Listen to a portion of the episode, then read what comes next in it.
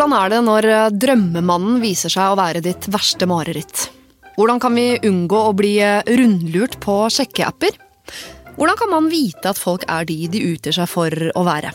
Jeg er altfor ung og søt til ikke har flere kjærester. Så da gikk jeg på Tinder, da. Vi møttes et halvt års tid. Eh, var veldig fine møter. Eh, masse sex.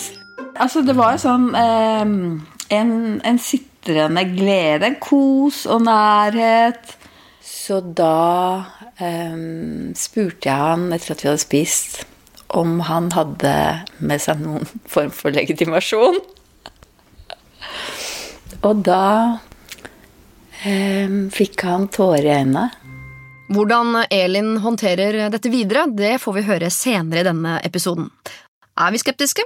Jeg hører at Elin i hvert fall er skeptisk til denne fyren. Sant? At en voksen mann ikke kan ligge over en hel natt, er i i seg selv litt rart. De ID-papirene, hvis det viser seg at han er akkurat den han utgir seg for å være, så har hun jo ødelagt den tilliten litt. Her høres det jo også ut som at Elin blir utsatt for en litt sånn at han er på, så er han av, så er han tilgjengelig, så er han utilgjengelig.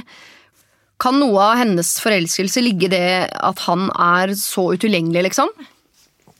Ja, jeg, jeg, i hvert fall det jeg sitter og mistenker, er jo at han egentlig bare vil ha en elskerinne. Men at det er en lite, litt lite attraktiv eh, arbeidsbeskrivelse.